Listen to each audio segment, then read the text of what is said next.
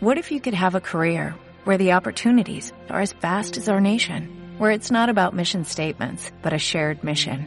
At U.S. Customs and Border Protection, we go beyond to protect more than borders, from ship to shore, air to ground, cities to local communities. CBP agents and officers are keeping people safe. Join U.S. Customs and Border Protection and go beyond for something far greater than yourself. Learn more at cbp.gov/careers.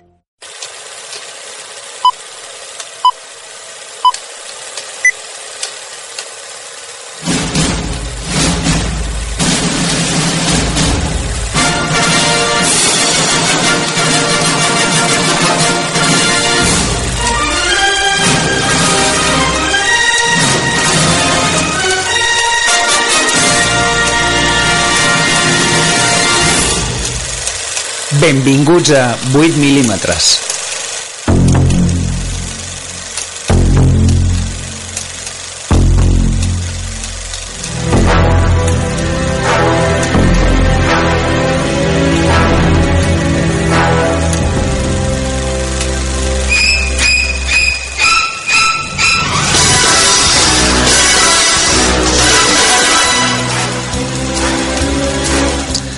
Bona nit i benvinguts al primer capítol de 8 mil·límetres, el programa cinematogràfic de l'Escriba que us acompanyarà l'últim divendres de mes aquí a Ràdio Manlleu, al 107 FM. 8 mil·límetres no pretén ser un programa que ens alliçoni sobre el cinema o un concurs per veure qui ha vist més pel·lícules o qui en sap més. 8 mil·límetres serà un espai on tothom podrà gaudir d'aquest art i on cada mes explicarem, debatrem i analitzarem, amb més o menys en set, diferents temàtiques sobre aquest món que ens apassiona. També tindrem entrevistes més o menys interessants i només si en tenim ganes, ja que no volem que ningú ens robi el protagonisme. I ho farem sempre amb l'humor que ens caracteritza a cada un de nosaltres i, per què no, amb aquell xic irreverent que ens agrada donar al nostre producte. Amb tot, i per tal de realitzar aquest treball de la forma més acurada i precisa, comptarem amb la presència de cinc experts cinematogràfics de talla mundial que cobren uns sous escandalosos per venir un cop al mes i parlar de quatre tonteries sobre el món del cinema. Una gent que, que considera que els cinemes són una extensió d'un menjador de casa seu. Una gent que quan la seva mare els fa sopa de lletres per dinar, ells les agafen i intenten escriure sobre les estovalles el nom de les seves pel·lícules preferides. Gent capaç de posar al seu fill noms com Indiana, Luke, Leia o Coronel Kurtz, i que quan s'acomiaden d'algú ho fan amb les paraules de Sayonara Baby o amb la frase per si no ens veiem després, bon dia, bona tarda i bona nit. Aquesta colla de sociòpates del cinema encara a hores d'ara segueixen buscats per la policia i si algú de vostès té algun problema potser els pot contractar. Ells són l'equip del 8 mil·límetres, Quim Cruselles, Irene Solanic, Sergi Calle, Aida Montolla, David Osa darrere el vidre i tocant els comandaments de la nau i jo mateix, Marc Corre, qui us parla i la veu que us acompanyarà en aquest magnífic viatge pel setè art. Amb tot, només agrair-vos la vostra col·laboració amb aquest projecte que tot just comença i que esperem que duri molt i molt de temps, si més no fins que ens facin fora o fins que ho engeguem tot a prendre pel cul. També agrair als oients que ens escolten en cas que n'hi hagi algun i recordar-vos que l'últim divendres del mes, al 107 FM i de 9 a 10 de la nit, teniu una cita amb 8 mil·límetres, o si més no, també ens podeu trobar al podcast de Ràdio Manlleu o a la web de l'Escriba, l'escriba.cat. Dit això, anem per començar. Són les 9 i 7 minuts, 3, 2, 1, acció.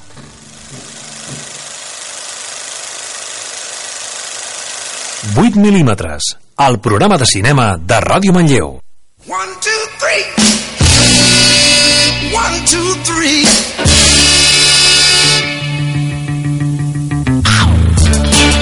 Bueno, benvinguts, gent. Ara sí, Aplaudiment. Us, Molt bé, aquesta introducció. us, tenia, us tenia aquí tallats. Pots respirar. Sí, puc respirar. Bé, uh, benvinguts al 8 mil·límetres. Uh, ara ja som tot l'equip aquí. Comencem també per presentar-vos una mica. Què tal, Sergi? Bé, molt bé. Gràcies, Tot bona bé? nit. Tot a punt?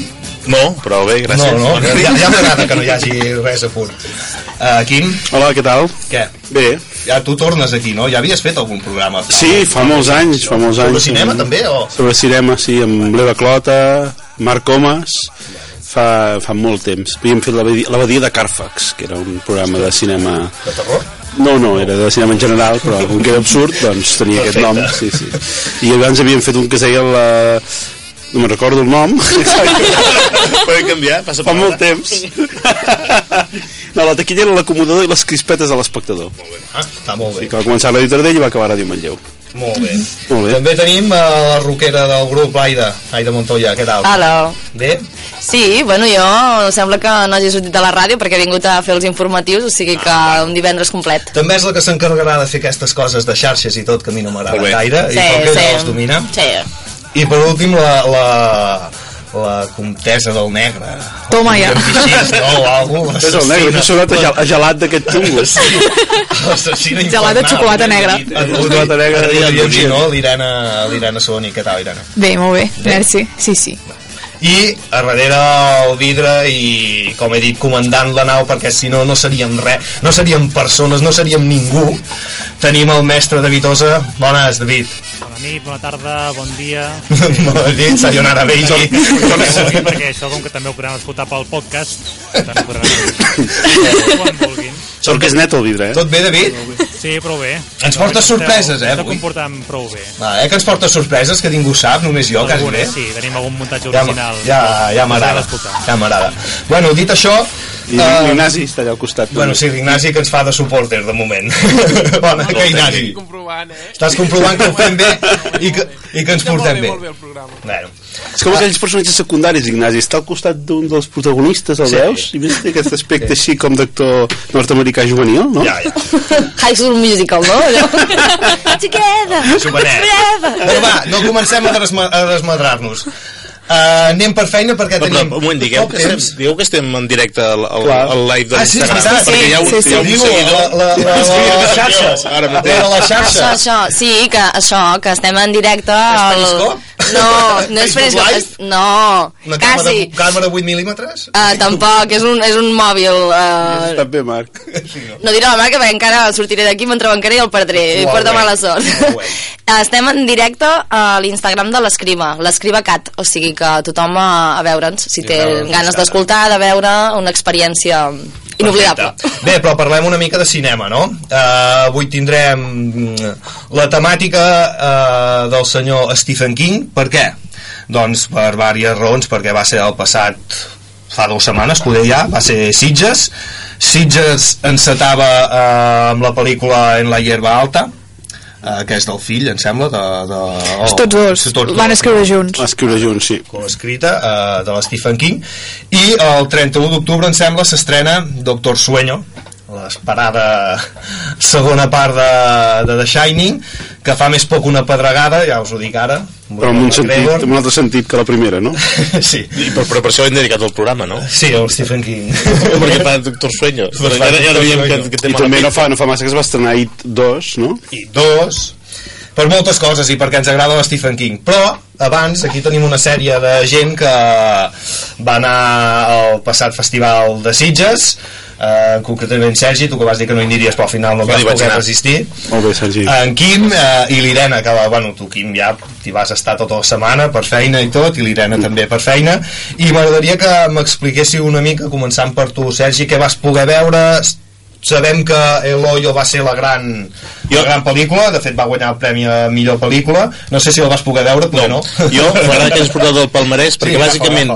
Tot el que hi ha aquí No has vist res. eren, eren les que jo la gent comentava que eren les bones però re- realment no vaig veure cap o sigui, vaig perdre, vaig esquivar l'Hoyo vaig esquivar Vivarium vaig esquivar uh, com es deia, el Far vaig esquivar The Lodge mm. totes les que la gent hi havia com un cert consens me les vaig perdre totes què vas veure que vaig, et vaig veure l'atenció? uh, no, de fet sí que vaig veure la de uh, Bacurau que va tenir un premi Sí, de direcció. aquella Sí, sí. brasilera després també la, aquella d'animació de Weathering with You sembla que tu No. sí, la, Sí, s'estrena d'aquí 15 dies, de fet, als cinemes. la segona del, Your Name que abans Mm. havia fet Your Name. I m'agrada molt la xinesa de Goose Lake. Té un nom, té un nom Que també l'estrenen a finals d'any.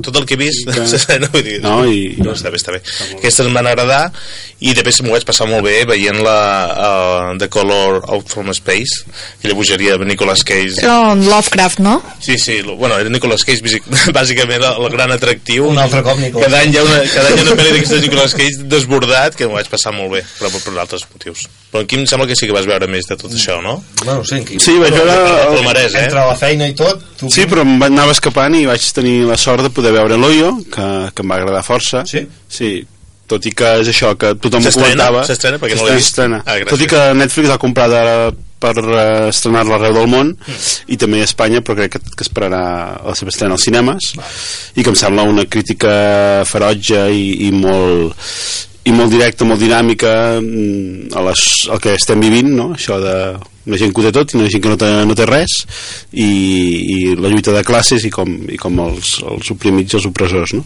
però hi ha un curtmetratge del, del Villeneuve de fa no sé quants anys que era la mateixa pel·lícula però resumida en 10 minuts i això es va comentar força durant el festival Vale. però tot i així no li treu els mèrits que té que és una pel·lícula molt contundent, molt ben dirigida molt ben interpretada Bueno, I... Jo em diria que és una pel·li espanyola, una pel·li, Una pel·li basca, sí, sí. Una pel·li basca, vull dir que una pel·li d'aquí, que això, que de, de seguida va, va, va, la gent va mostrar molt interès i després va guanyar el premi, vull dir que se'n parlava molt, que està bé.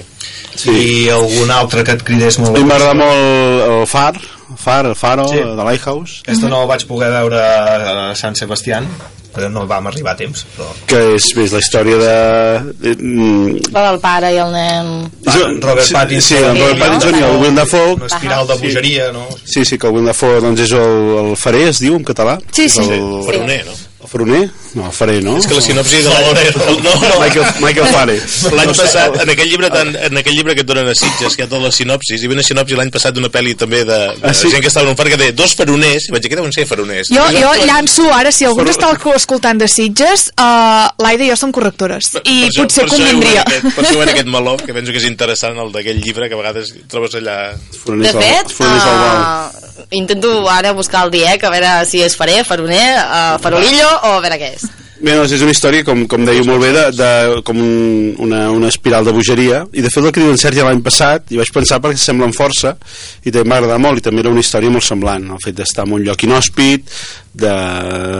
blanc i negre em sembla En blanc i negre, més està rodada en, en format 4.3, que mm, com el 8 mm doncs és un format molt antiquat, o molt antic, perquè és el, el format quadrat, i a més el blanc i negre és el que blanc i negre gairebé resseguit, que sembla expressionisme alemany, o fins i tot sembla algunes vegades que aquestes pel·lícules txeques dels anys 50, i, i la veritat és que la pel·lícula a mi em va, em va agradar moltíssim. I- Tot i que va despertar controvèrsia, perquè... Això està bé, també. Sí, sí, clar, està molt bé, està molt bé. I què més? No sé, també vaig veure la del Weathering With You, que em va agradar molt, tot i que és, és crec que és inferior Your Name, per mi també però està molt, molt Estic bé. d'acord. Sobretot la primera mitja hora, els detalls d'animació, de la reproducció de, dels carrers, els detalls de, de, fins i tot de- de- d'objectes i de- d'elements de, Tòquio, um, no sé, els paquets de fideus que són realment sí. els paquets de fideus que trobes a les botiguetes i això, està, està fet amb un detall i amb una, amb una qualitat de dibuix que és sorprenent, no? Que, Jo hi vaig trobar molt maco els easter eggs aquests, els ous de Pasqua, Ah, que hi va sí. deixar en el Makoto Shinkai, els vaig trobar molt macos, un, un detall molt agradable. i ara que tinc aquí Irene, tu em sembla que hi ha una pel·lícula que et, et va cridar bastant l'atenció que uh, Daniel is unreal em sembla que es deia eh, clar, jo vaig a Sitges, però a mi em toca normalment veure... per- per- sí. a mi normalment em toca veure tot el que és més proper al cinema negre, criminal, thriller psicològic i tot això. En tu salsa, vaya. En mi salsa. I... i què, què, què ens en pots dir? perquè de fet li van donar el Premi Millor uh, Interpretació Masculina a Mike Robbins De fet, són dos, diguéssim, els nanos que ho estan fent, en Robbins i el fill d'en de, d'en Schwarzenegger, que no me'n recordo com es diu de nom de Aquest pila, és fill però... de Tim Robbins, em sembla, no? No ho sé, aquest nano. que- Però la veritat és que tots dos fan un paper hosti, molt digne, eh? A més, la, la pel·lícula és de trastorns de personalitat múltiple i així, vull dir que el pes el porten 100% ells. Eh, va com anell al dit el, el Miles Robbins, el que va guanyar el millor actor, Irene, sí que és el fill d'en Tim Sí. Robbins. Ah, sí? Ah, mira, no ho sabia. I, de fet, ells, ells dos el van felicitar per Instagram i per xarxes, eh, o sigui, nombrant Sitges i dient felicitats, fill, per, vaig pensar, també li podrien dir en directe, estaria bé, una, Patrick, una reunió el familiar. Ah, això, Patrick Schwarzenegger. tenim algun dubte, som tan moderns i és així la ràdio com aquestes ràdios potents que tenim l'Aida Montoya que... Però encara està buscant si és No, no, fa- faroner, és que no, no, O sigui que no, no funciona perquè porta mitja hora buscant no. començar La meva efectivitat és mortal eh, i fa estona que ho tinc però no us volia interrompre perquè Bé, era molt doncs. interessant. Faroner. Faroner. Faroner. eh, Persona que cura d'un llançarem l'Institut d'Estudis Catalans a les escombraries, Faroner, eh? toma. Deies. Hi ha, hi ha una pel·lícula que no se n'ha parlat gaire, però que en Sergi també l'ha vist, que és Adoration, la pel·lícula Ah, de Fabrice val, Wells. De fet, està aquí, va guanyar A mi em va, em va agradar molt i de fet va tenir el la vaig recomanar a aquests grups de WhatsApp que, jurat, no? sí, que és una història és un, com es diu, Coming in Age uh, no sé Sí, com es diu en coming- català Coming of Age.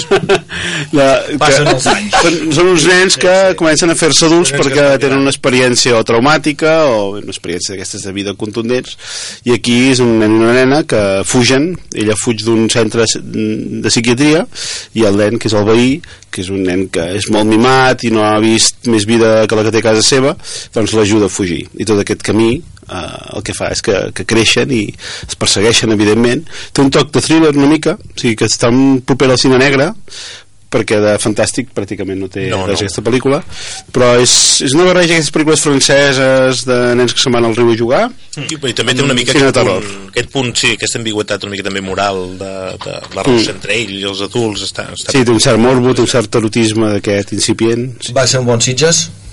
Va ser estrany, no? no sé va ser... jo, jo realment no vaig tenir un bon Sitges realment, o sigui vaig... per què?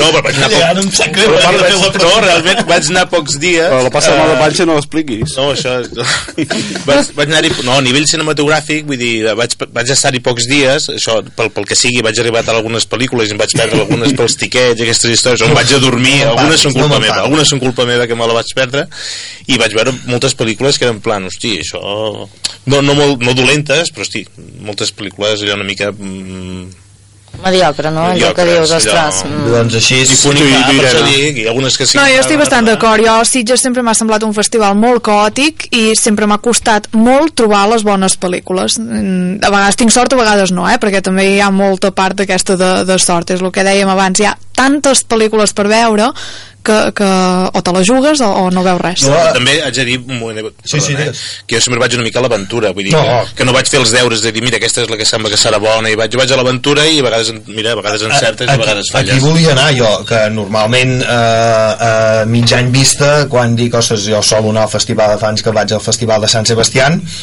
i després abans d'anar de Sant Sebastià dius eh, sí, sí, la setmana següent eh, m'agafo 5 o 6 dies i me'n vaig a Sitges però no sé, eh, ja fa dos anys que amb tot això dels tiquets i tot em, em, em fa una mandra em fa una mandra quan veig la gent que s'està un dia preparant i aquesta i aquesta que hi ha 300 milions de No, pel·lícules expliquem-ho potser això dels tiquets, no? perquè la gent que ens està escoltant Sí. Sí, expliquem-ho així una mica ràpid, si pot ser, que, la, ràpid. que la premsa ha de demanar les entrades prèviament i a vegades n'hi ha, a vegades no n'hi ha i, i a vegades hi ha una cua d'espera i llarguíssima es posa, es posa en una hora determinada Dema- que has demanar entrades prèviament implica que d'entre les 200 pel·lícules que es passen a Sitges tu has de saber què vas a veure i fer-te un calendari perquè no se't solapin o perquè tinguis suficient temps per dinar Sí, no, però una cosa que, que, m'agrada a l'aventura i una mica també en plan això que de dir, no, les, totes les pel·lis que enganxo una darrere l'altra i a vegades, bueno, a vegades tens sort i a vegades no tant sí, sí. És l'equip de, la, pel- de l'equip del festival ja hi ha aquesta, ja és una pretensió eh, que,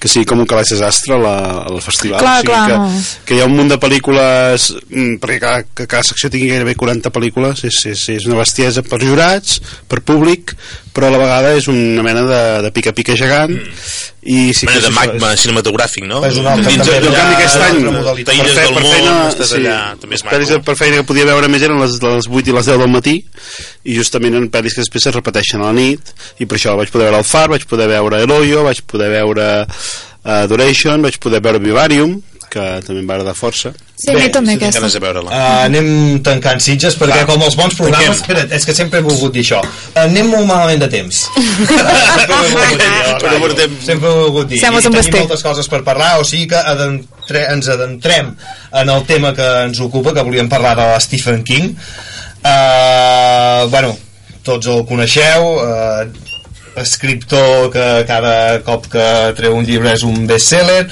i uh, us he comptat té gairebé, em sembla que són 97 gairebé 100 d'adaptacions al món del cinema.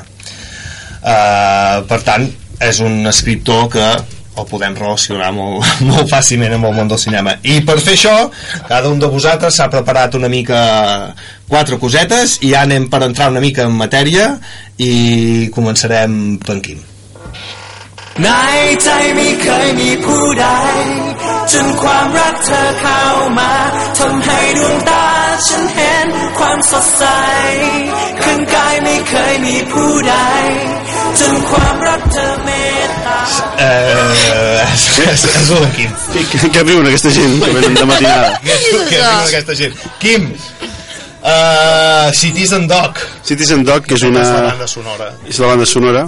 Una mica més, David. Puja, puja. Això és com un Bobby McFerrin, no hi ha instrument, tot és vocal i hi ha de gent que, de fons que fa aquests canvis. No, amb en David vam quedar parats quan la... Això que una gent fa sons amb la boca? Són els cantants a capella i...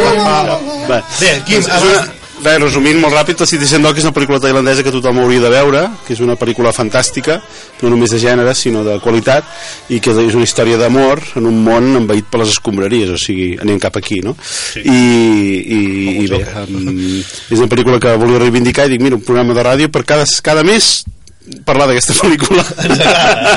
I així que, que, es, que s'escoregui Però avui ens ocupa Stephen King i eh, Sí. m'has dit que ens parlaríem d'aquells moments de la teva vida que vas passar molta por i, curiosament, sempre van relacionats amb la gran figura del terror o del thriller. No, no us passa a vosaltres que hi ha una... Suposo que sí, que hi ha un moment que identi... és com un ratatouille però del, del, del cinema i en aquest cas del gènere de terror que, que veus una cosa i et porta a un moment de la infantesa o de l'adolescència o fins i tot un moment més o menys recent que, que va provocar una sèrie de, de, de sentiments, d'emocions, no? Us passa? No us passa? Sí, Sí, sí, sí, sí. Molt bé. Uh, com podeu veure, això ho hem assajat. Sí, sí. Deures fets.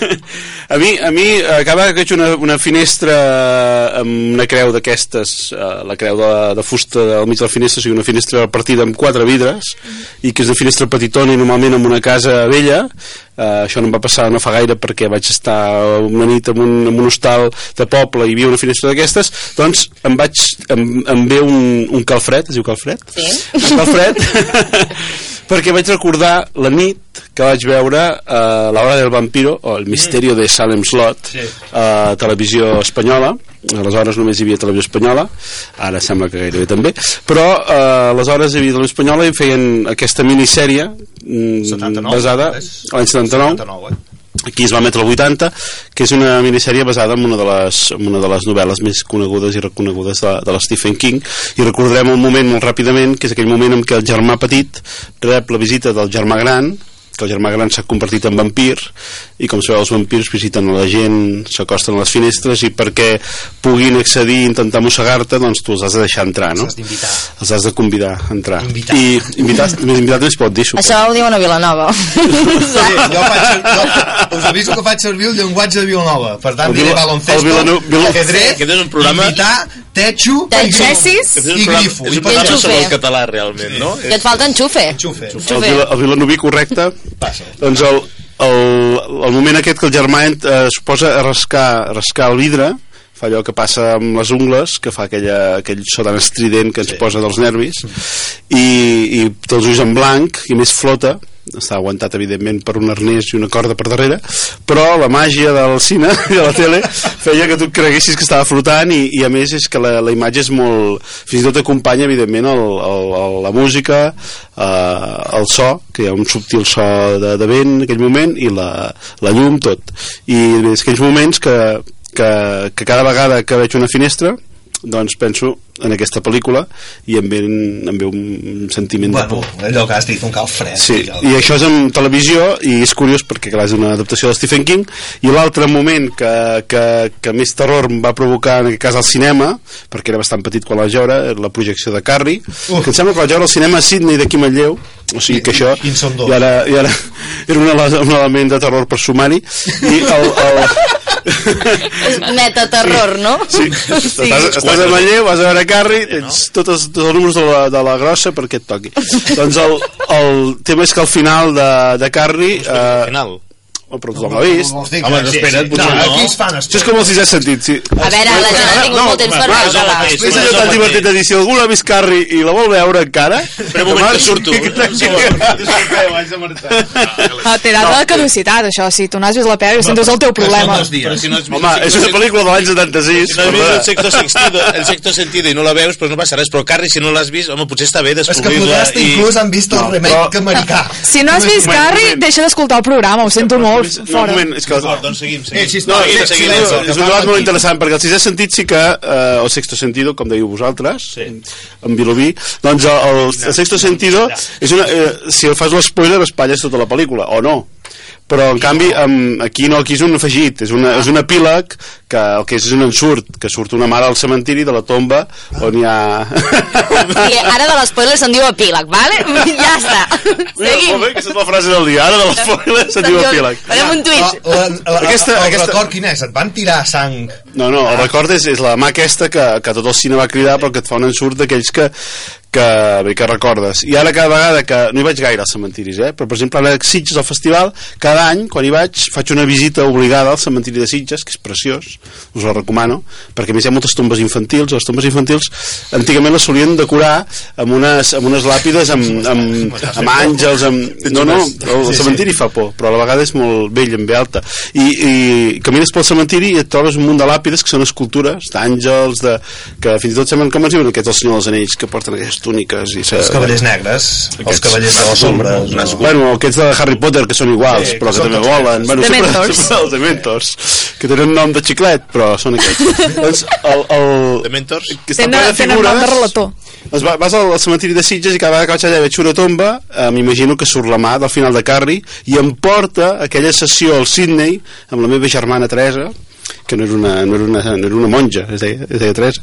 La meva germana Teresa estava allà al meu costat i sempre m'agafava de la mà. No era una santa. No, no era una santa perquè em portava a veure sempre pel·lícules de terror molt, molt dures, perquè vaig veure Alien al cinema amb ella, vaig veure La Pressa, una pel·lícula d'en Walter Hill, després pel·lícules d'aquestes de, de programa doble que eren, que eren S, classificades S, però com que tu eres petit però anaves amb un major de 18 anys, et podien acompanyar i podies veure pel·lícules de tetes i culs i no passava res. Ara entenem Aquesta- moltes coses. Eh que sí? Jo també. I, el, I la veritat és que, que aquests dos moments sempre recordo com els més terrorífics que he viscut tant al cine com a, davant d'una televisió i són dos mm, adaptacions de la Stephen King. I quan en Marc em va dir parlarem del Stephen King, no ho va dir, ho vam dir-ho tots, no? Sí, sí. Però, Sí, sí. Va en Marc ho va dir en Vilobí i això va sonar més bonic. I vam dir, doncs, eh, vaig pensar, ostres, recordaré aquests moments per si algú vol recuperar aquestes pel·lícules, el Sergi Calla que vegi Carrie, i així... No, el que no he vist mai és el, el misteri de Salem Slot. Ostres, Ah, doncs... perquè vaig, o sigui, vaig llegir, ja havia llegit el llibre i a mi em passa això, em costa molt quan he llegit un llibre després veure la pel·lícula em costa molt entrar-hi Bé, per acabar, perquè suposo que hem d'acabar perquè anem malament de temps, no? Sí, Marc? sí. Doncs el, el, el, que ho diguis. Sabeu allò que ens passa? Jo Que quan veus una... amb el dit vol dir un minut. Val, quan veus una, una pel·lícula ara que has vist i que la teva infantesa més o menys et va agradar, a mi va passar amb Sorrises i Làgrimes, que curiosament em va agradar de petit. I també em va agradar Annie, de petit, la pel·lícula del John Huston, d'aquella nena rissada, que és horrorosa la pel·lícula, però clar, jo vaig pensar que una pel·lícula de terror, i com que em va agradar perquè era una pel·lícula de terror, i després vist amb el temps veus que no, que no és una pel·lícula de terror, però que ho sembla. Però allò que veus una pel·lícula ara i que dius, ostres, mm, jo la recordava d'una altra manera, em va passar amb Sorrises i Làgrimes, que no, és una pel·lícula una que... percepció completament Sí, diferent. doncs això en canvi amb la- amb l'hora del vampiro amb el misteri de Salem Slot fa dos anys el Fantasm, que és aquest cicle de terror que fan el fenomen el feien per, per tots sants per Halloween, ara faran em sembla novembre finals de novembre, doncs van passar eh, sencera eh, com si fos la, la minissèrie però en pantalla gran eh, el fenomen i la vam anar a veure i vaig pensar ara tindràs una decepció d'aquelles eh, i no, que va, aguanta molt bé i crec que és una de les millors adaptacions que s'ha fet de, de les obres de l'Stephen King. Per tant, el que, tothom que pugui que recuperi aquesta pel·lícula. També recordem que hi ha una versió nova o més nova, no? on hi surt el Rovlov que té a la mainera. Està mort el Rovlov? No, no, no, hosti, no. Podria estar mort. Continua igual de jove, igual de jove i de guapo. però ara ho mirarem perquè potser no, Ara ho mirarem. Bueno, Bé, doncs, No, ja no miro els records, els records d'en Quim ens ha agradat molt. Quim. Bàsicament És que, a això. Tu ets l'únic que al programa podràs fer el que voldràs. Ja m'ho vas dir això i clar, per això no vaig preparar res és, avui... és carta blanca, perquè sí, Perquè és el jefe perquè és el jefe. És el jefe. Jo parlo per aquí, però és el jefe encobert. Bé, eh, anem per més coses.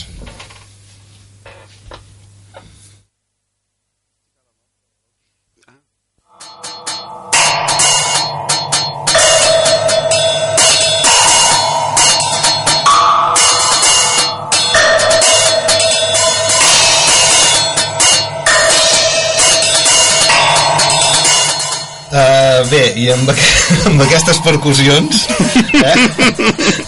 que ens tots molt grosits. És una cassolada. Clar. Jo vinc de les cassolades. Això sí, és veritat. Anem amb, amb una secció eh, amb dos ovaris. Un respecte, Una eh, a Una aquesta secció secció. amb dos ovaris on l'Irene ens portarà una mica a, a, um, com ho podríem dir? Anem a ser pedants la perspectiva de La gènere. perspectiva de gènere de, la, de les pel·lícules, diguéssim, de, la- de la Stephen King. Mhm. Què ens portes avui, Irene? Jo us porto quatre personatges femenins de quatre pel·lícules diferents de la Stephen King. N'he triat quatre perquè són els meus preferits. La resta també hi són, però no, no en parlaré. Ens està perfecte. Parlant de Carrie, continuem amb el tema de Carrie. Uh, Carrie és el personatge que li va donar més nom a l'Stephen King. De fet, Carrie és qui va posar el mapa Maine, que és allà on passa tot el de l'Stephen King. És a dir, podeu anar a qualsevol lloc del món excepte Maine, perquè allà morireu, segur. Uh, Carrie és, el, és un llibre del 74 en el que s'explica doncs, un trauma que pateix un adolescent en un ball d'institut, típica pel·li nord-americana. L'únic que aquest trauma és més bèstia perquè, a més a més, la noia té poders. I puc fer spoilers, no? Hem dit? Sí, sí, hem dit que sí. Ja, sí. Vull que facis spoiler. Doncs hi ha una matança, una matança monumental a, a, a l'institut. I a mi el que la pel·lícula en si o, o el llibre no, bueno, em va semblar bastant normalet però a mi el que més em va agradar de tot això és que a posteriori vaig sentir parlar a Stephen King i ell el que pretenia fer un homenatge a totes aquelles noies que havien anat amb ell a l'institut i que havien patit eh, vexacions diverses per part d'altres noies i nois a la vegada. Llavors, uh, Carrie no és res més que un homenatge a totes aquestes dones. I si ens hi fixem, a més a més, no és només que siguin víctimes, és que a més a més són fortes, perquè acaben tenint el poder. Per tant, I de fet, el, el, el, o sigui, el que passa, el gros de Carrie és que hi ha una matança, però el, el que és interessant és com comença Carrie.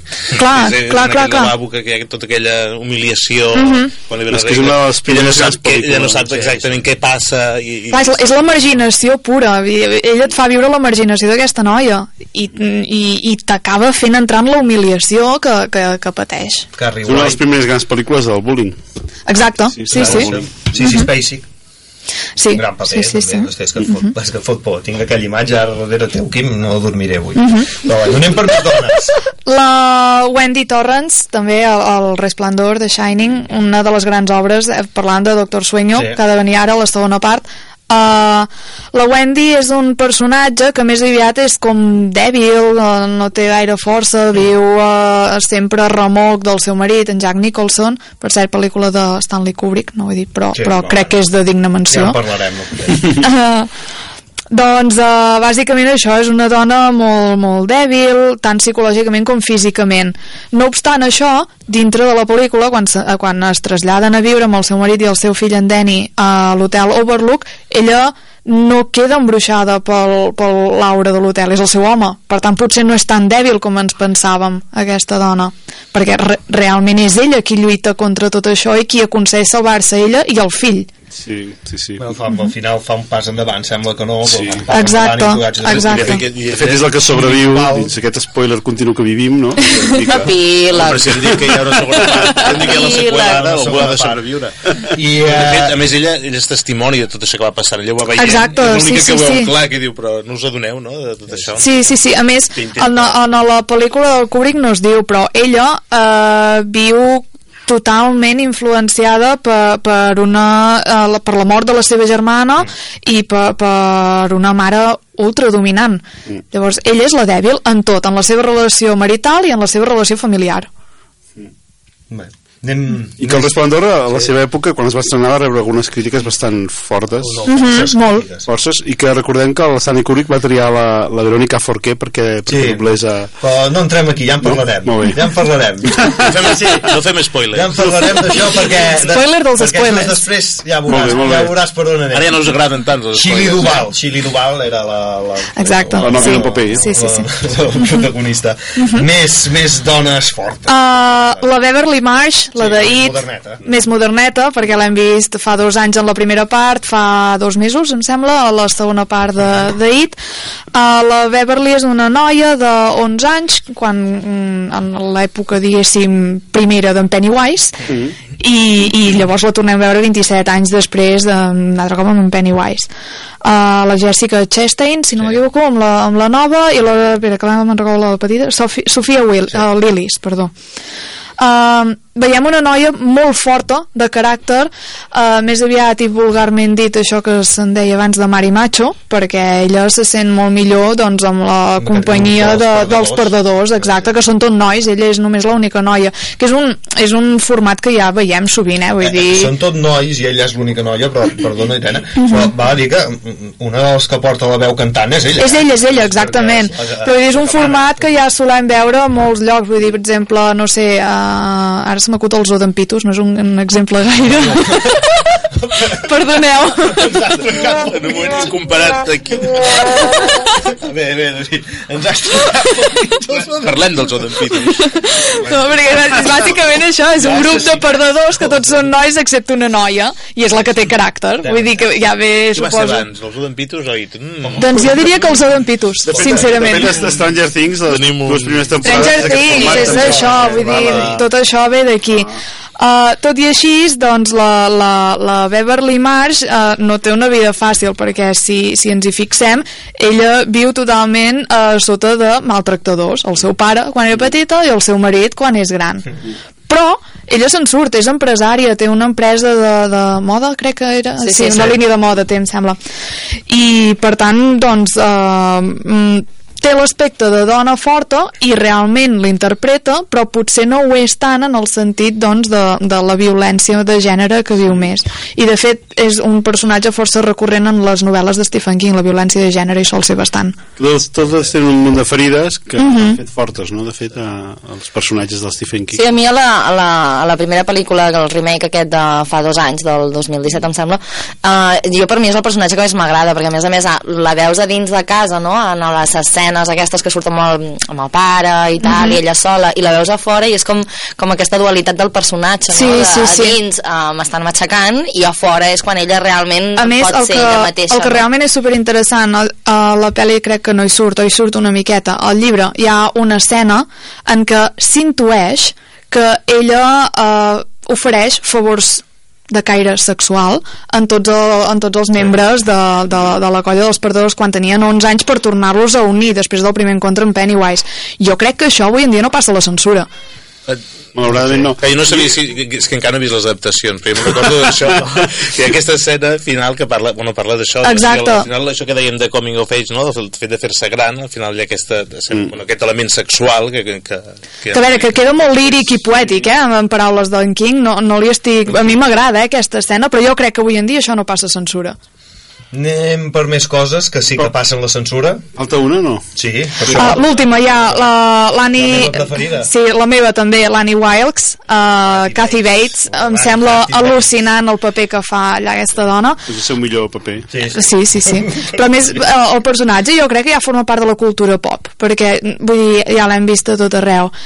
I per mi és un dels meus personatges preferits i una de les meves obres preferides perquè no hi ha res paranormal. Vull dir, en tots els altres sempre veiem alguna, algun element així més paranormal, aquí no, aquí és ella, que, que és una boja. Vull dir, té un problema mental d'obsessió amb, amb un autor que segresta, que el té allà a casa i l'obliga a escriure doncs, contes sobre la Misery Chastain, que és el seu personatge preferit i, i, i és això però ella té la determinació aquesta de dir no, no, coi, jo vull continuar llegint obres d'aquestes em ve aquí als peus l'autor que té un accident, doncs m'ho quedo i el fa, li faig fer el que em doni la gana Farà... Bé, hem parlat de les dones empoderades de, de King i ara us hem preparat una sorpresa. Bueno, en David ens ha preparat una, ens ha preparat una sorpresa. David, què? Com ho tenim aquí, a la peixera? Doncs bastant bé, aquí portant una miqueta tocant botons. Vosaltres segur que heu vist... Uh, No, no el deixem parlar gaire, no, en David? No, espera't, pot, pot parlar com vulgui, té el sí, micro obert. La gran pel·lícula, la gran pel·lícula de Kubrick, però per si no ho sabíeu, eh, o sigui, eh, no ens han enganyat, no és l'original. Eh, No és, no és l'original, de fet, eh, hi va haver una versió inicial que semblava potser més a una pel·lícula d'aquelles de- d'Antena 3 dels diumenges. De d'amor. piano. Sí, una miqueta d'amor, tot plegat al final. Sí que van, van aconseguir trobar doncs, el, el llibre de, de, de la Stephen King i van tirar cap a, cap a la versió que coneixem. Però abans sí que ha una miqueta potser una pel·lícula d'amor d'una parella que, que va a un hotel i acaben coneixent allà el seu veritable amor. És una versió diferent la versió original que és la que hem pogut trobar i que ara escoltarem. Papá,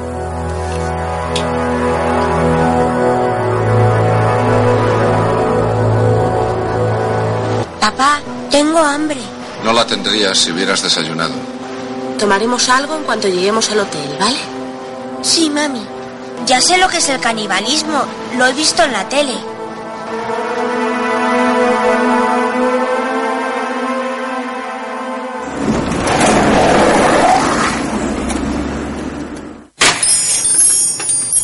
Hola. Hola. Hola, me llamo Dick Halloran.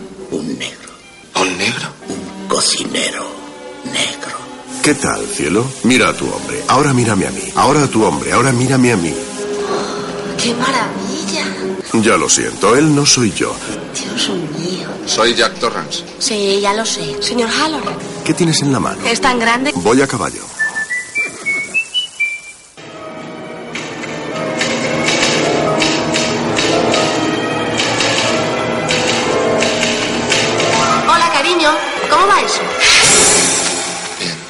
El hombre del tiempo dice que nevará esta noche. Sí.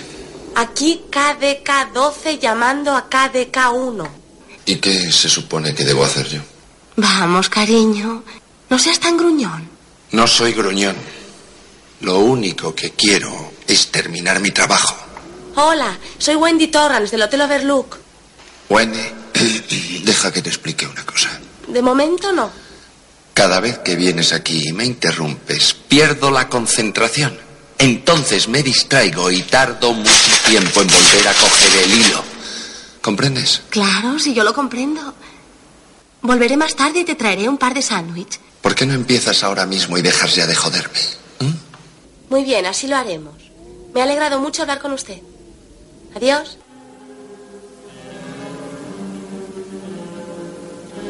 Hola, Aloy. Poca gente esta noche, ¿eh? Así que escucha. Tráeme una botella de Bulbar, un vaso y hielo. No pido demasiado, Lloyd. Te recuerdo que me debes seis mil pesetas de whisky. Oye, Lloyd, creo que tendrás que fiarme. Seis mil pesetas de whisky. Me caes bien, Lloyd. Si mañana no me pagas, pues se acabó de comer aquí. Eres un tío grande. ¡Camina ya! Siempre fuiste el número uno. ¡Venga ya, camine! ¡Venga ya!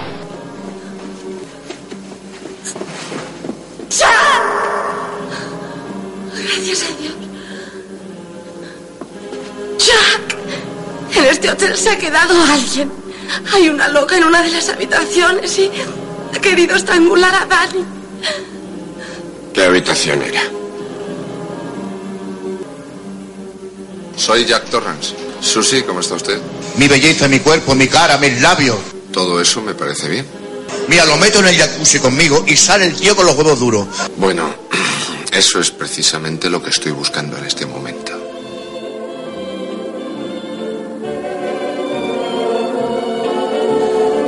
Eh, eh, eh, molt bé, David. Bé, David. El que potser la pel·lícula no seria pel diumenge a la tarda, no? Poder eh, a partir de les 12 de la nit i dos rombos. Com tu deies, sí o sí. Com tu deies, Quim, amb aquella doblatge de la Verónica Forqué tan peculiar a la pel·lícula. Uh, Sí, però que s'assemblen moltíssim les veus als, sí, a les veus originals i per això els va escollir, però... Bueno, després d'aquest muntatge original, uh, anem per més coses, va, va. vinga. Calle pisando baldosa, la revoltosa y tan perdida. Me llaman calle, calle de noche, calle de día. Me llaman calle, hoy tan cansada, hoy tan vacía. Como maquinita por la gran ciudad. Me llaman calle y me subo a tu coche. Hola, me llaman Calle. M'encanta, m'encanta que hagis escollit aquest tema perquè quan ho vas posar pel grup eh, la vaig buscar i li em havia agradat molt, bueno, encara m'agrada però feia molt temps que no l'escoltava esta noche de Manu Chao i arran d'això, anar fent feina a casa i tot em vaig tornar a mirar Princeses Ah, molt bé. pel·lícula, una, per cert, una molt bona pel·lícula mm. De Aranoa. Més com tot, totes les cançons del Manu Chao són tan diferents unes de les altres que aquesta que... cançó m'entusiasma a mi, és un homenatge. Vull dir que ironia, eh, que són diferents. No, no, és que són diferents. No has escoltat molt Manu Chao. Doncs no has escoltat molt Mano Negra i no has escoltat molt Manu Chao. Però bueno. Manu Negra. Bueno, anem malament de temps, no? Anem malament de temps, entenc. Me llaman Calle, l'ou, què va ser abans? L'ou o la gallina? La meva secció es dirà l'ou o la gallina, perquè una mica el, uh, sempre m'agrada allò, no? quan hi ha una, una pel·lícula m'agrada, hosti, això està basat en un llibre, està basat en un autor o el que sigui, i a vegades et trobes amb això, amb el, el, el cas contrari, o sigui, pel·lícules que es fan famoses i després apareix el llibre que potser té 20 o 30 anys que ningú coneixia i de cop apareix allà amb, amb la cara de George Clooney, no? És un cas allò, hòstia, ja he arribat tard. I, i això, doncs, de cada tema que que proposem, com que està més o menys temàtica dels programes, sí. parlar una mica aviam què va ser abans, si, què va donar la, la, la fama, si va ser el llibre de la novel·la, la novel·la el llibre, si no hi ha llibre, és igual, Em ja, ja ho sembla, farem venir. com diem a Vilanova, estupendo. Estupendo. Evidentment, en aquest, en aquest cas, avui el personatge que ens ocupa no hi ha, no hi ha dubte que, que és... Bueno, no sé qui va ser abans, si l'ou o la gallina, però va ser abans Stephen King, no? Sí. Que les pel·lícules. Uh, de fet, ara es parla això, no? Hi ha com un nou, una nova era daurada de les adaptacions de Stephen King, no? Arran de, de de It sobretot aquest doble díptic. I, i amb l'estrena de Doctor Sueño que dieu que té mala pinta però bueno, com a mínim arriba allò amb una gran estrena i tot plegat. No, i he fet una mica de repasset una mica de- de- de- d'aquesta trajectòria d'adaptacions de Stephen King de fet, la- l'època, la primera època daurada va ser entre finals dels 70 i finals dels 80, o sigui, va ser com 10 anys que van tenir Carrie, El misteri de Salem Slot, El Resplendor, Creepshow, és que va per anys. Ujo, Christine, Sí, sí. que també té Viviente, i, i, a més, i a més totalment coetani, o sigui, és allò, eh, nova novel·la de Stephen King, eh, nova novel·la que ja, ja, ja entrava als I- estudis i- per adaptar-se. i grans pel·lícules, a més a més. Estem by Me, el 86, basat en Sí. aquell, aquell... I després això, no? O sigui, fins i tot d'aquesta època més de terror, més, més escandalós, fins a aquest aquests, aquests relats més íntims o més petits de Stephen King com Misery o Cuenta Conmigo. Bueno, no més petits, no, vull dir que no és allò típic. No és el terror pur. no és el terror, tothom quan pensen en Stephen King pensen en, en aquest tipus de pel·lícules o novel·les que hem dit abans però que és això, en 10 anys es va arribar fins a, a tocar tots aquests pals de Stephen King. I volia fer una menció també a Rebellion, la rebel·lió de les màquines Maximum Overdrive, que és aquella pel·lícula que va dirigir el propi Stephen King que evidentment va ser un desastre i potser va ser com el, el final d'aquesta època o no sé si va ser el final, però Però vista ara, és una pel·lícula que té, és tan psicotrònica, tan delirant... jo aquesta pel·lícula és allò que deia, una pel·lícula de la meva infància que la recordava com una pel·lícula meravellosa. Ah, sí? Jo el recordava com una, la vaig veure va una, ser... una cosa horrorosa i vista ara, en canvi, mira, fa certa gràcia. Encara. No sé, no sé.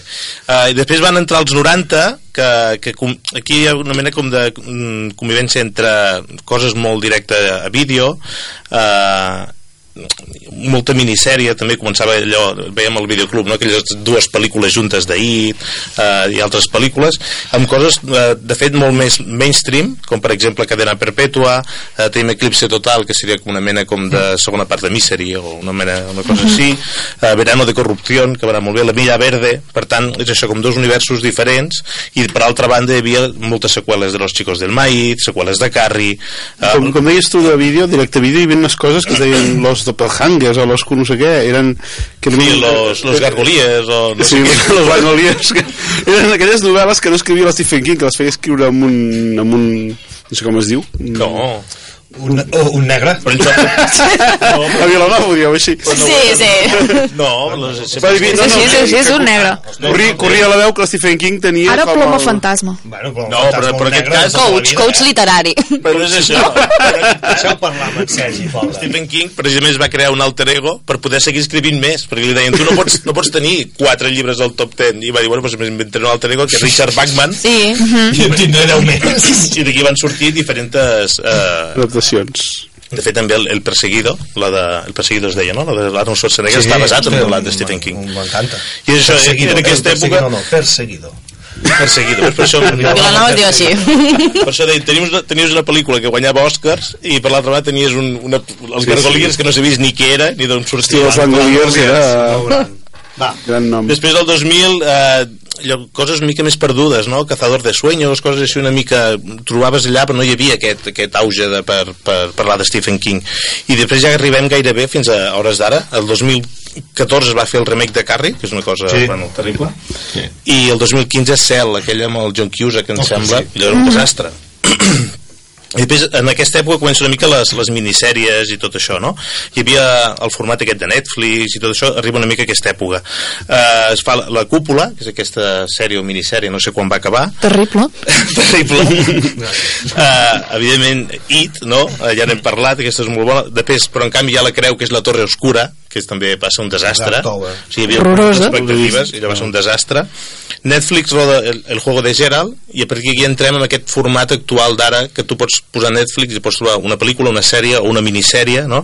i et trobes això com sèries com Mercedes, eh, Mr. Mercedes o coses d'aquest tipus o, o si no jo crec que la, la joia de la corona de tot el que ha donat les adaptacions de Stephen King és Castle Rock que és eh, no una adaptació de, de cap novel·la de Stephen King sinó del propi univers o sigui, tot això que ara tots entenem no? de, de Maine, de, dels pobles, d'aquests personatges que al final tots es, es, Castle Rock és fantàstic per entendre com, King. Ha fet com ho ha juntat tot Bueno, dins clar, bueno, bombolla i... i de fet no, parla, no hi ha cap personatge És el millor assaig que hi ha, però no? tu, Sobre- Mhm. però tu pots identificar perfectament totes aquelles traces Hi ha la sèrie de la Niebla, pot ser, que vaig, vaig començar a veure el primer episodi. Sí, em sembla que sí. També terrible. La pel·lícula, la pel·lícula de Fran Darabont era sensacional, eh? La pel·lícula. Mm. però la sèrie Clar, és això, la, la, la pel·lícula de, de, de, del Darabont és això, arribava en un moment, o sigui, això, els, els 70 i 80 tothom parlava de Stephen King, no? però de cop la del Darabont aquesta era una cosa com més, bueno, no anecdòtica, però que apareixen així com bolets, o sigui, sempre hi ha hagut, quan he vist les, el llistat d'adaptacions, tu deies, quantes en deies? uh, 97 o així Jo la llista que he vist de 300 i pico perquè hi havia tots els curs, o sigui, Ah, curs vale. basats, o sigui, Bé. o sigui, és com una constant, sempre cada any hi ha com 10 o 12 adaptacions de Stephen King. I ja per curiositat he mirat i a partir del 2020 hi ha com uns 30 projectes eh, previstos. Vull dir que sempre Stephen King sempre ha estat com perenne, no? Però ara Stephen King però parlen d'això, d'aquesta no, d'aquesta nova era daurada, bàsicament perquè han, perquè han aparegut eh, doncs, dos o tres productes de qualitat i ara sembla com que tornem a veure la llum però Això que parlant de Sitges abans, el, la hierba, en la hierba alta és bastant... és bastant de, de, Justeta. és un cube Perquè el relat anava per un curtmetratge i... i clar, la Que no dona per gaire més, eh? No, no, no gaire més. Bueno, això seria una mica moltes repassar. gràcies Molt bé, Sergi. M'encanta I m'encanta la teva banda sonora bueno va, anem per més coses L'últim divendres de mes teniu una cita amb 8 mil·límetres. El programa cinematogràfic de l'escriba a Ràdio Manlleu 107 FM. No us el podeu perdre.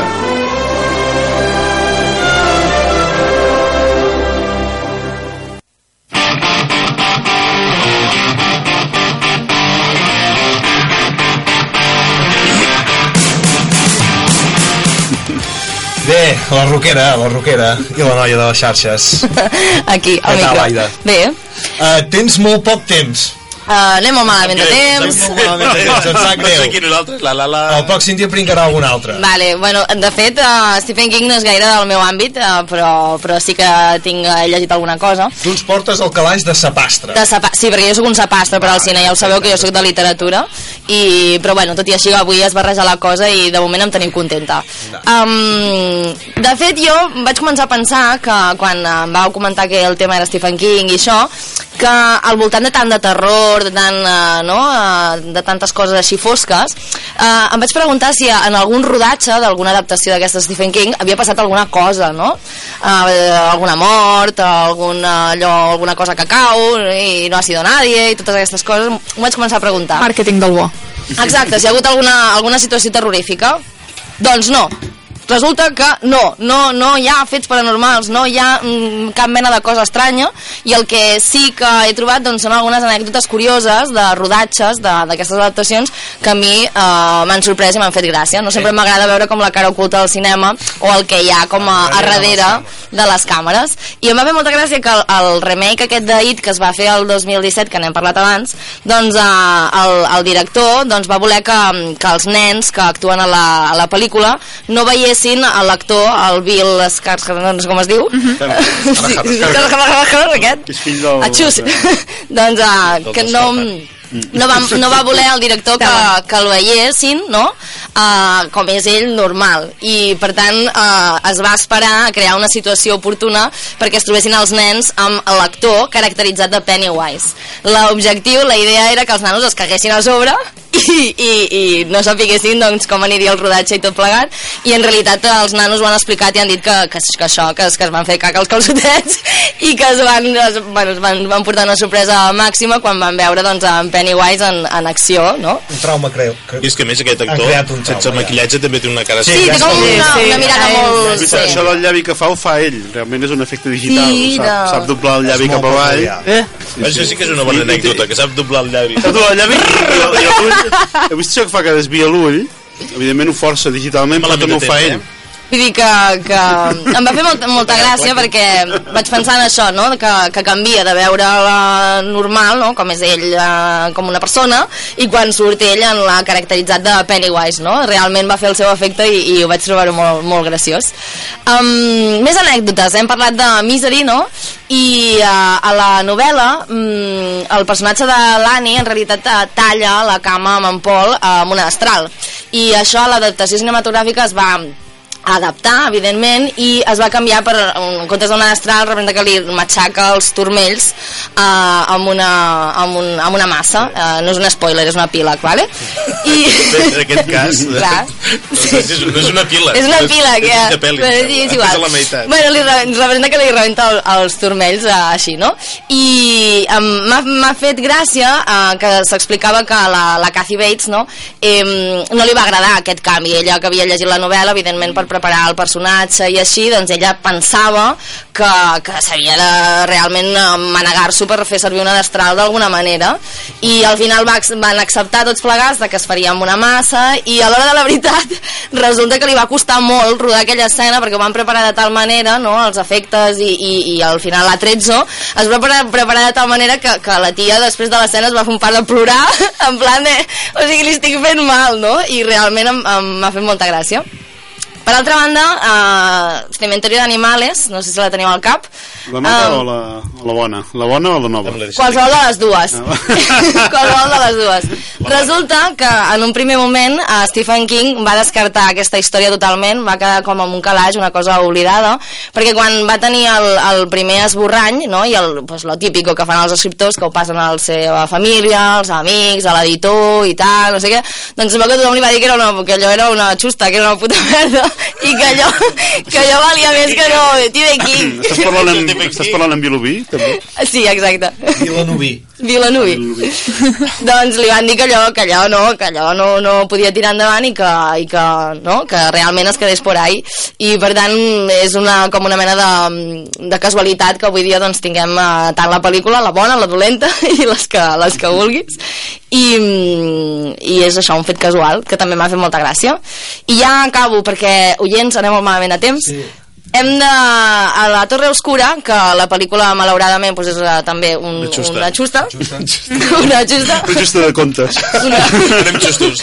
una xusta, doncs, uh, per trobar-li el cantó positiu, podem dir doncs, que, que el director va voler fer moltes referències a, a altres obres de, de Stephen King i hi ha algunes escenes en què hi ha com uns petits re recordatoris. Uh, hi ha una, en una escena que surt una foto de l'hotel uh, del Resplendor, vull dir que fan com una mena de picada d'ullet, doncs, a, això, al Resplendor. Llavors també hi ha una escena en què hi apareixen com dues nenes, així com de perfil, amb una mena de vestit blau, no? també aquesta picada d'ullet a, a altres obres i hi ha el nen protagonista de, de la història que quan va caminant això no és un spoiler, és un epíleg i uh, passa per un lloc en què hi ha com una mena de circ abandonat que uh, hi ha un cartell supergros que diu Pennywise no? també una picada d'ullet a, a It i doncs si això fos poc en un portal dimensional uh, en què un, el nen entra cap a un altre món hi ha escrit a dalt uh, 1408 que fa referència també a la, a la pel·lícula on passen totes aquestes coses Moltes gràcies, Aida? Montoya. Molt bé, Molt Aida, molt bé. molt bé. Gràcies. un sprint final, uh, que hago? Ja sé, anem molt malament. David, què- què tenim? Tenim algun minutet o alguna Sí, en regalen un parell. cosa? Encara un parell, doncs molt ràpid. Si ho fem molt ràpid, ho fem. Vale? Va, Primer dispara. de tot, Va. pel·lícula del mes. Cada mes triarem eh, de la, del que s'ha estrenat en el mes d'octubre, de Salvarem això, algú. eh, salvarem alguna pel·lícula i després al final de l'any farem un recull i en salvarem la de l'any. Eh, no hi són totes, evidentment, les més mediàtiques, podríem dir, i ara n'hem de triar una ràpid, vale? Eh, Joker, tenim Joker, Ama- Amazing Grace, Géminis, la de Will Smith, Dia de lluvia en Nova York, la nova de Woody Allen, Ready or Not, la de Noche de bodas, Luz de mi vida, la de Cassie Affleck, Zombieland, que per aquesta ja... Zombieland dos. No, aquesta ja queda fora. Sí, Zombieland 2, Retrato de una mujer en llamas, que ha rebut molt bones crítiques, Paràsit, uh, La trinxera infinita, uh, Doctor Sueño, no l'hem pogut veure perquè s'estrenarà a l'octubre, però dintre dels altres, què salvem? Joker. Ja, Joker, un Joker... Encara, encara no l'he vist. Que tampoc, no n'he vist, bueno, no he vist Bueno, cap. que hagis Jo salvaria vist. Géminis. Géminis, va. Jo no en puc salvar dues? No, una. Doncs Parasite, per canviar una mica. I jo, Joker, i tu, David? Jo no n'he vist cap. Va, digues un, no. Joker, va. Va, Joker, ha guanyat Joker. Està molt bé fer el programa de cine, no he vist cap de les estrenes del mes. No, no xerro són aquí, per estrenes és així. És que ens hem dedicat a Stephen I King. ara ja per acabar, ràpid, us he preparat un joc, que és el joc de les Estic pel·lícules. posant nerviós amb aquest sprint final. Sí, sí, jo també. Sí, però- Culpa meva, culpa meva. Així és com No, m'agraden els programes. Va. El joc de les pel·lícules. Jo us diré una frase, cling, jo us diré una frase i n'heu de dir de quina pel·lícula és. Sempre hi ha temps per un redoble. Vale? Comencem per tocar. El primer cop us ho he fet facilet. Sí, Va. us he fet facilet perquè, com que sé que sou justets, uh, ho fem fàcil. I després veurem qui guanya. Va, primera frase. Uh, diu així, tonto es el que hace tonterías. Forrest Gump. Eh, grande. Grande. Uh, Quim. Oh, capitán, mi capitán. Hòstia, el club de los poetes muertos. Vale. Sé que t'agrada. Us ho he fet fàcil. Si no la sé què passa, hi ha penalització. Això que m'agrada molt Peter Weir, eh, però... D'acord, d'acord. David, Uh, que la fuerza te acompañe. Star Wars! Vale. David, no, no responen, David. Sí, espera. Però, però... has dit David i... Ah, no, perquè no vaig així. Ah, no vas per ordre. No, després el faré. No hi tinc en Eh? compte, no tinc en compte. Le voy a hacer una oferta que no podrá rechazar. Hòstia, espera't, eh? Jo estic en blanc ara. Uh, Tens un, David, Ho diré tens un d'una altra rellotge manera. d'aquests? rebot, rebot. que no podrá rechazar. No, no, no me'n recordo, no sé. Ai, fall. Va, Hi ha rebot? no. David. Bueno, el padrino, li diem. no? Sí, el padre. Hòstia, Padrino, sí, padrino. sí. Sí, sí, sí, cert. Francamente, querida, me importa un bledo. No ho recordo. Casablanca? Jo què sé. Lo que el viento se llevó. La- eh, L'Ignasi la sabia. Ah, li ha xivat. Va, calle. va. Ah, uno del censo vino a verme. Me comí su hígado con alubias y regado con un delicioso Chianti. El, el silencio de los corderos. Molt bé. Kim, Fàcil. són dues rondes i prou, eh? Hasta el infinito y más allá. Ah, molt bé, el Toy Story. Eh, Buzz Lightyear. Aida, podrán quitarnos la vida, pero nunca podrán arrebatarnos la libertad. Braveheart. Ah, no ho deia un CDR, això? No, això és els carrers seran sempre nostres, no? Dar cera, pulir cera. El, el Kit, el... Senyor Miyagi. El Karate Kid, això. Ens hem mirat. Llévame a casa. I David, Que sigui, que sigui. Ja, sempre ens quedarà a París. Casablanca. Molt bé. Eh! Tenim cada moment els guanyadors. Quim, eh, Quim, Sergi i Aida. Bé, Jo premi. Uh, no, no hi ha premi. Les Birba, aquestes d'aquí al mig. Les galetes. Bé, hem arribat, hem aquí, arribat al eh? final, molt passat de temps, perdoneu perquè us he fet córrer una mica, però el pròxim cop ja anirem més bé, aquest que cop perquè hem fet parlat de Sitges, però bé, uh, us, uh, el mes que ve tornarem a ser aquí, l'últim divendres de, de cada mes, moltes gràcies a en Sergi, a en Quim, a l'Aida, a l'Irene i sobretot a en David, que està allà tocant els botons, i a l'Ignasi, que també ens ha fet de suport.